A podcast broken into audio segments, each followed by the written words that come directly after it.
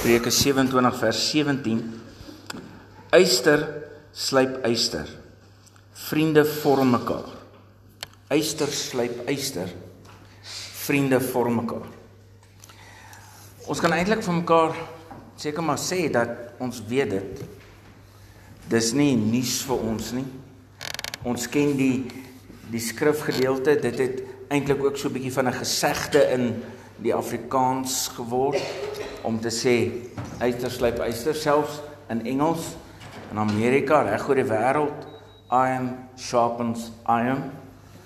En uh, dit het so iets geword wat 'n mens noem en wat mens weet wat ons glad nie oor hoef te stry nie. Dit laat mens eintlik dink aan iets soos goeie en slegte vriende.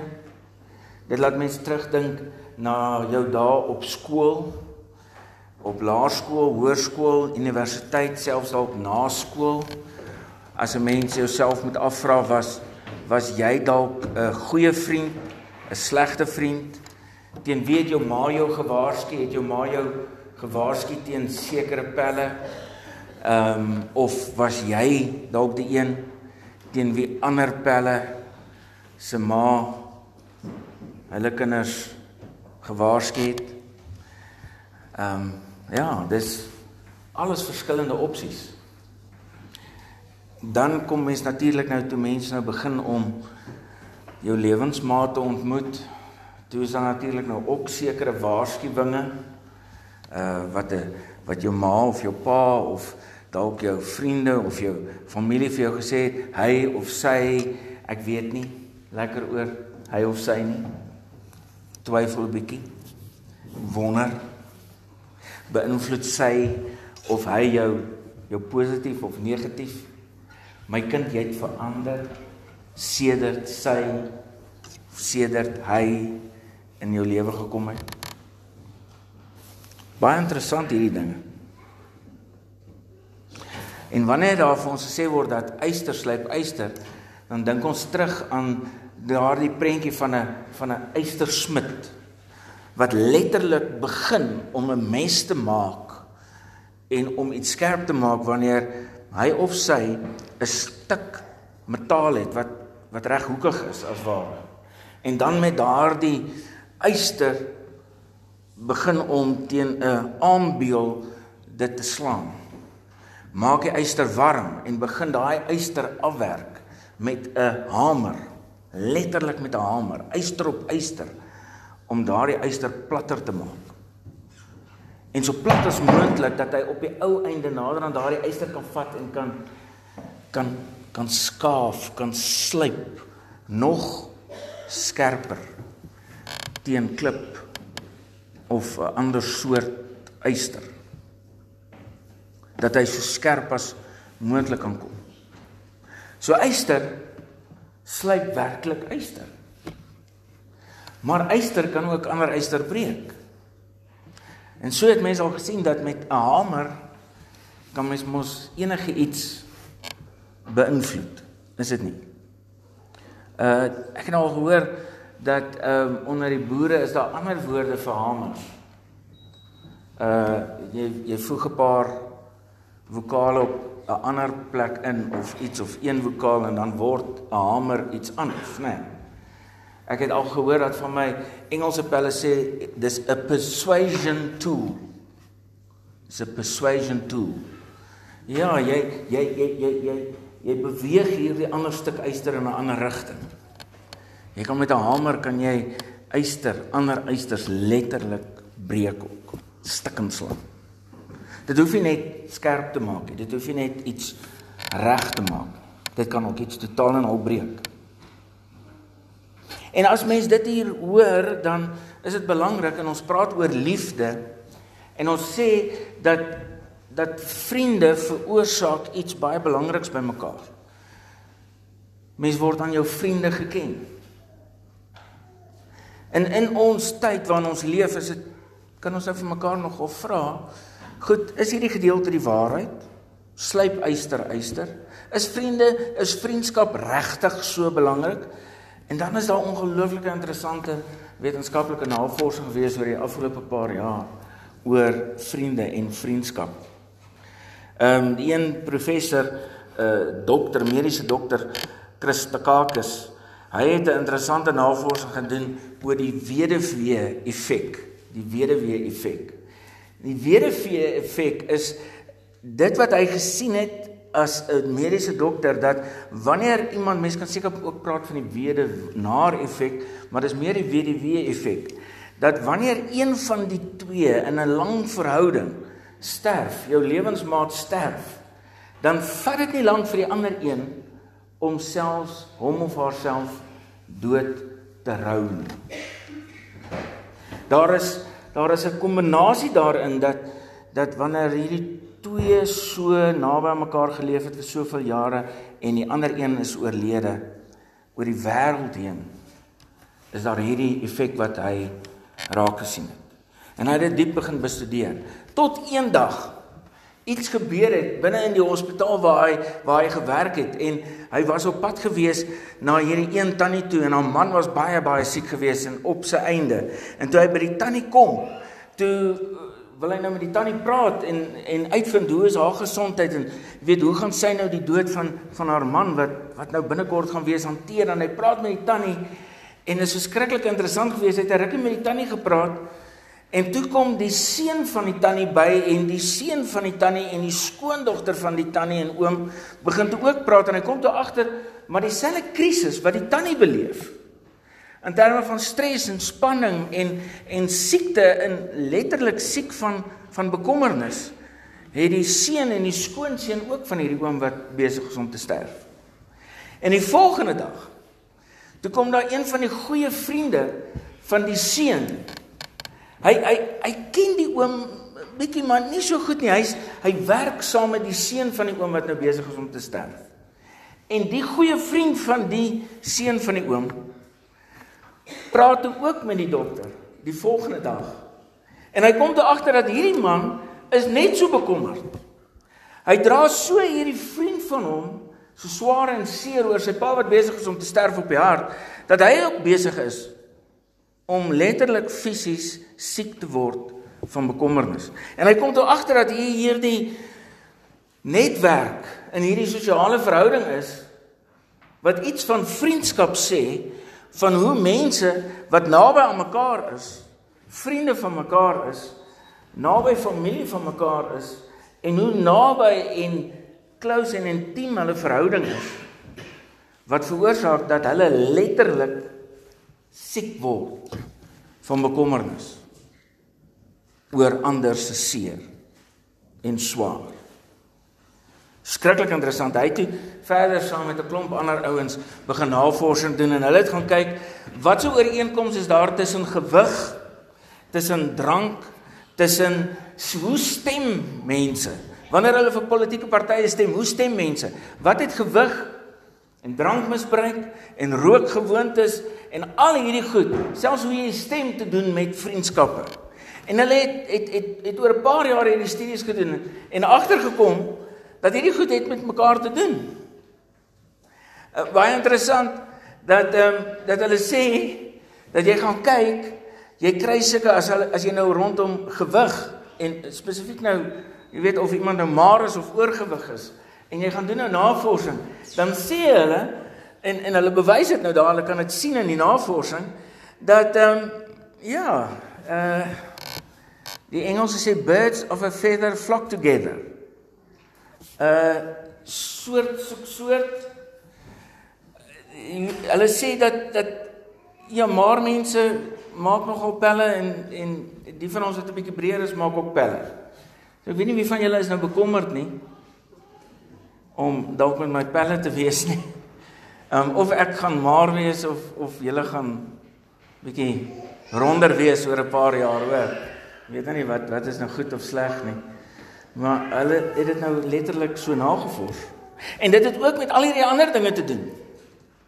Met drank, rook. As as jy met mense praat en jy vra, "Waar het jy begin rook?" Ja, nie, niemand het alleen begin rook nie. Niemand nie. Almal het begin rook as gevolg van pelle.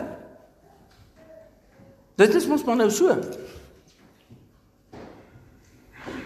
Binne in 'n vriendekring beïnvloed ons mekaar positief of negatief. Soort soek soort, maar dit gaan oor gesamentlike waardes binne in jou groep. Dit gaan oor gesamentlike gewoontes wat 'n groep begin aanleer. Dat mense dieselfde woorde begin gebruik of dit nou mooi of lelike woorde is. En hulle het verder ook navorsing gedoen oor emosies. En ook agtergekom dat dit ook iets wat aansteeklik is. Jy kry gelukkige, vriendelike groepe en jy kry meer mismoedige en swaarmoedige groepe. En dit is baie interessant, dan sluit hy sy navorsing af deur die volgende te sê. Hy sê dis eintlik logies. As ek die heeltyd as jy agterkom maar jy kry by my een of ander virus as jy met my te doen gehad het en ons het baie gesels of iets of wat ook al en, en een of ander pes of 'n gogga of 'n siekte of as jy met my gesels het die dag daarna is jou maag heeltemal omgekrap nê nee, en nader dan kan jy jy weet 1 + 2 bymekaar sit jy weet. As jy met Theo te doen het die volgende dag is jou maag nie lekker of jy word sieker of iets nê nee, dan dan gaan mens begin wegbly van Theo af. Dieselfde wat wat hy sê as jy seer kry by iemand. Het sy of dit deur middel van woorde is of al of die manier hoe iemand jou hanteer of iemand jou fisies seermaak, naderhand gaan jy probeer wegbly van daardie persoon af. Dieselfde as die persoon jou hartseer maak of as die persoon jou kwaad maak of moedeloos maak. Hy sê ons moet maar net kyk. Ons maak daai keuses of dit nou bewuslik of onbewuslik is. Jy kies. En dit gaan oor maak iemand jou beter of maak iemand jou bitter. Sê dis 'n eenvoudige ding. Wetenskaplik hoe ons grootgemaak is, hoe ons hoe ons oor jare heen dit maar net gekom het. Ons het gesê maar ons gaan nie wil deel wees van iemand of 'n groep as dit ons slegter laat voel nie, as dit ons sieker maak nie, as dit ons seder maak nie, as dit die lewe vir ons moeiliker maak nie, dan bly ek liewer weg. Selfs met as dit positief is, trek dit 'n mens aan. As ons agterkom maar ek voel beter wanneer ek in iemand se teenwoordigheid was, dan wil ek eerder daar wees en by daardie persoon wees. Baie moeilik om hierdie goed nogal te hoor. Want dit raak ons baie persoonlik. Dit verduidelik 'n paar goed ook baie duidelik vir jou en my.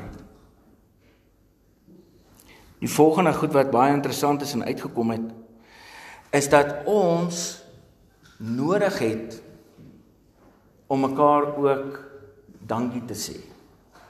Dat ons nodig het om mekaar te sê maar ek waardeer jou. Dankie vir dit wat jy doen. Ek sien wat jy doen. Ek wil jou prys. Ek wil vir jou sê ek waardeer dit en dat wat jy doen. Jy is vir my kosbaar. En natuurlik moet dit twee goed wees. Dit moet baie spesifiek wees. Jy moet sê ek waardeer jou vir dit baie spesifiek vir hierdie ding wat jy gedoen het. Dit moenie so vaag weg wees nie en dan moet dit ook wees dit moet opreg wees. Baie spesifiek en baie opreg. Dit moenie net een van hierdie goetertjies wees wat mense so kry van hierdie mooi Facebook dingetjies of of WhatsApp goedjies wat jy kry met met 'n rosie en en 'n hasie dalk ook, né? en dan is daar so 'n algemene ding geskryf en dan stuur mense dit vir derduisende mense? Nee. Gaan nie werk. Moet baie spesifiek wees. En ook sê hulle om vriendskappe dieper te maak, moet ek en jy vir ons vriende sê wat ek nodig het. Met ander woorde, ons moet vir ons vriende kan sê om vriendskappe dieper te maak, Ek het nodig dat jy kan sê ek kan sien jy trek mooi aan. Dis dis wat ek nodig het. Nou ek het dit nie, ek het nie dit nodig nie. Maar ek moet in 'n vriendskap leer mense mekaar so ken dat die ander een dat ons mekaar blootstel. Dat ek myself blootstel teenoor jou as vriend of vriendin. Dis hoe hoe moeilik dit is. Dat ons bereid is om te sê dis my swak plek. Ek ek twyfel oor dit of dat van myself en ek het nodig dat jy vir my sê, weet jy wat? Dis great. Jy jy's verniet bekommerd oor oor dit of oor dat. Dis eintlik great. Maar is so gevaarlik om onsself so bloot te stel, so oop te maak. Maar as ons dit nie doen nie, kan vriendskappe nie verdiep nie. Dit is so eenvoudig. Ons weet dit en dis wat die wetenskap ook sê. Dan het 'n navorser Susan Pinker, sy het gesê dat die grootste krisis in ons tyd, al is daar 7 miljard mense, is sosiale isolasie. Dat jy besluit om al hierdie redes wat ons dalk nou genoem het, ek voel nie veilig nie of ek ek mense laat my slegter voel of sekere mense laat my slegter voel, ek gaan my onttrek. Ek gaan terug in my eie kokon van veiligheid ingaan. Ek gaan sê nee, wat wie wat dis te gevaarlik daar buite. Die mense is te rof daar buite. Ek ek gaan terugtrek. En dan trek ek en jy onsself nog verder terug en ons isoleer onsself van ander mense. Die meeste mense, meer as helfte van die mense in die wêreld sê dat hulle het net 2 of minder mense op wie hulle werklik kan reken. Net 2 of minder. En is en dis dit klink dalk of dit oukei okay is. Maar die navorsing wys dat dit nie oukei okay is. Twee of minder mense op wie jy werklik kan reken is te min. Iemand het eendag gesê jy het 6 nodig. Want dis hoeveel mense jy nodig het om jou kus eendag te dra. En en en indien ek nie vinnig meer maar vriende kry nie, gaan ek 8 nodig hê om my kus te dra. So asseblief. Ja julle wat 'n bietjie lyk soos ek nou lyk, jy ten ten sê julle moet sorg dat ek aan 8 het as julle my as julle nog steeds my pel wil wees, hoor. As as ek dan so rondterig doodgaan, as julle wat bietjie rond is, nog steeds my pelle is, dan gaan julle moet sorg dat ons 8 ronde pelle het wat my kus kan dra, wat sterk ook is, hoor. 2 of min is te te min. 'n kwart van die wêreld se bevolking sê dat hulle het niemand nie, hulle is heeltemal alleen. 'n kwart van 7 miljard mense is heeltemal alleen. En nou het eh, hierdie selfe vrou hierdie navorsing gedoen en sy het gesê sy het gaan kyk na die plekke in die wêreld waar die mense die langste leef en wat is die 10 dinge wat veroorsaak dat jy die langste leef? En sy het hierdie 10 dinge het sy so van nommer 10 na nommer 1 toe uitgestippel. Nou daar is 'n klomp goede. En die een eerste ding wat wat hulle nou gaan kyk het is hoe skoon is die lug. Dis dis nou in die navorsing was dit nommer 10. Maar maar 10 is eintlik al baie laag op die lys. So skoon lug is baie belangrik. Maar dis maar nommer 10. En hy sê so groot punt, so groot van die persentasie soos nommer 1 en 2 nie. Nommer 1, 2 en nommer 1, 2, 3 en 4 was baie belangrik. Dit was groot deel van die persentasie wat deel is van hoekom mense die langste leef. Maar nommer 10 ehm um, tot 6 of nommer 10 tot tot uh uh uh ja, tot 6 was eintlik klein persentasies. So skoon lig is nommer 10. Of jy jou bloeddruk reg bestuur of nie was nommer 9. So jy moenie so bekommerd wees oor vuil lug nie, moenie so bekommerd wees oor jou bloeddruk nie. Maar of oorgewig, jy weet ek ek weet is is is nommer 8 gewees. Kan julle dink? So of jy maar is en of jy oorgewig is was nommer 8. Dis nie so groot bepalende faktor nie. So ja, ek stres heeltemal te veel. Kom maar agter oor skoon lug, bloeddruk en maar en oorgewig.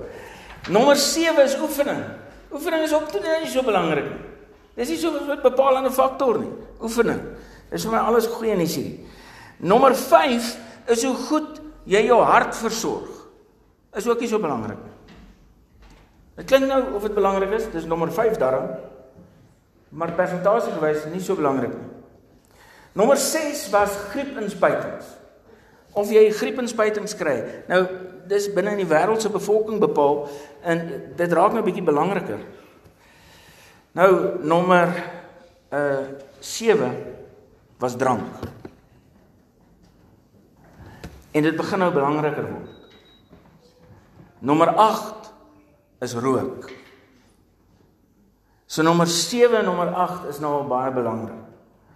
Hoe minder jy rook en hoe beter hoe minder jy drink bepaal hoe langer jy leef. Dis nommer 7 en 8.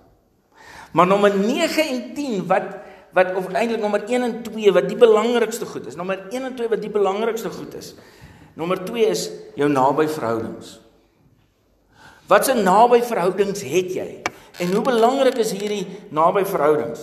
Dit is naby verhoudings wat jy enige iets vir iemand kan vra, waar jy die vermoedigheid het om die slegste sleg, jou grootste bekommernis met mense te deel. Hoe naby, hoeveel naby verhoudings het jy? Hierdie mense wat jy 3 uur die oggend kan bel, daai mense wat jy letterlik die slegste van die sleg van jouself kan deel met hulle. Goed waarmee jy worstel en en jy voel veilig om dit met hulle te deel. Hoeveel sulke mense het jy? En die navorsing wys dat ons het 3 van hierdie vriendskappe nodig in die kernvriendskappe.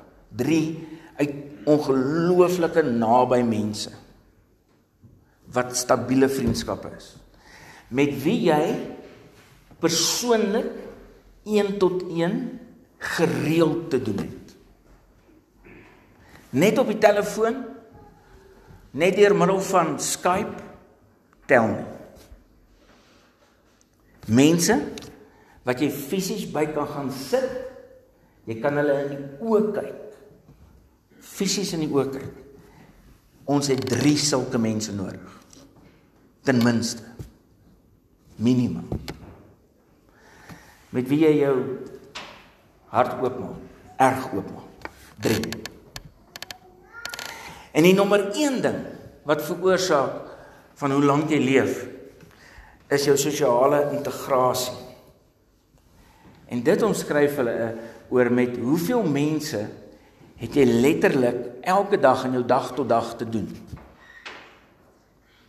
En of jy tussen mense is en nog steeds alleen is en of jy tussen hierdie mense is en jy ag man, sommer gesels jy met hierdie persoon en jy het gesels met hierdie persoon en jy het met jy het met klomp mense. Hoe meer mense jy mee te doen het in jou dag tot dag bestaan, hoe langer leef jy. Skoonlig, vet of maar, tel nie so baie nie. Soos drie kernvriende. En met hoeveel mense jy elke dag te doen het en mee kommunikeer. Drie kernvriende met wie jy gereeld jou hart kan uitpraat.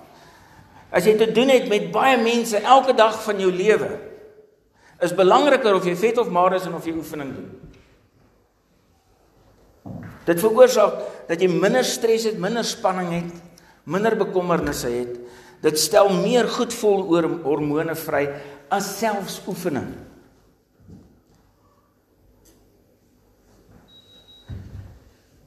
As jy oefen, moet jy in 'n groep oefen. Moet jy saam met mense oefen, moet jy met ander mense te doen hê. Dit help nie jy oefen alleen nie. Jy hardloop 40 km alleen nie. Dit gaan jou nie langer laat leef nie. Sosiale integrasie, naby verhoudings. Dis lewe en dood goed hierdie. Dis ook een van die dinge wat veroorsaak dat depressie beter hanteer kan word. As ek en jy besef dat ons met soveel as moontlik mense te doen het. Hoe meer ek en jy onsself terugtrek in ons eie kokon in, want ons is bang om oop te maak. Hoe gevaarliker is dit vir depressie? Hoe gevaarliker is dit vir jou lewe? Vriende slyp mekaar. Eyster slyp eyster. Dit wat ons hier in Lukhof het met die wijksbyeenkomste en deurdat ons met mekaar te doen het soveel as moontlik. Dit laat ons nog langer leef as enigiets anders waaraan ons kan dink. Vriendskap is verskriklik belangrik. As jy dit nie het nie, gaan jy nie lank leef nie. Amen.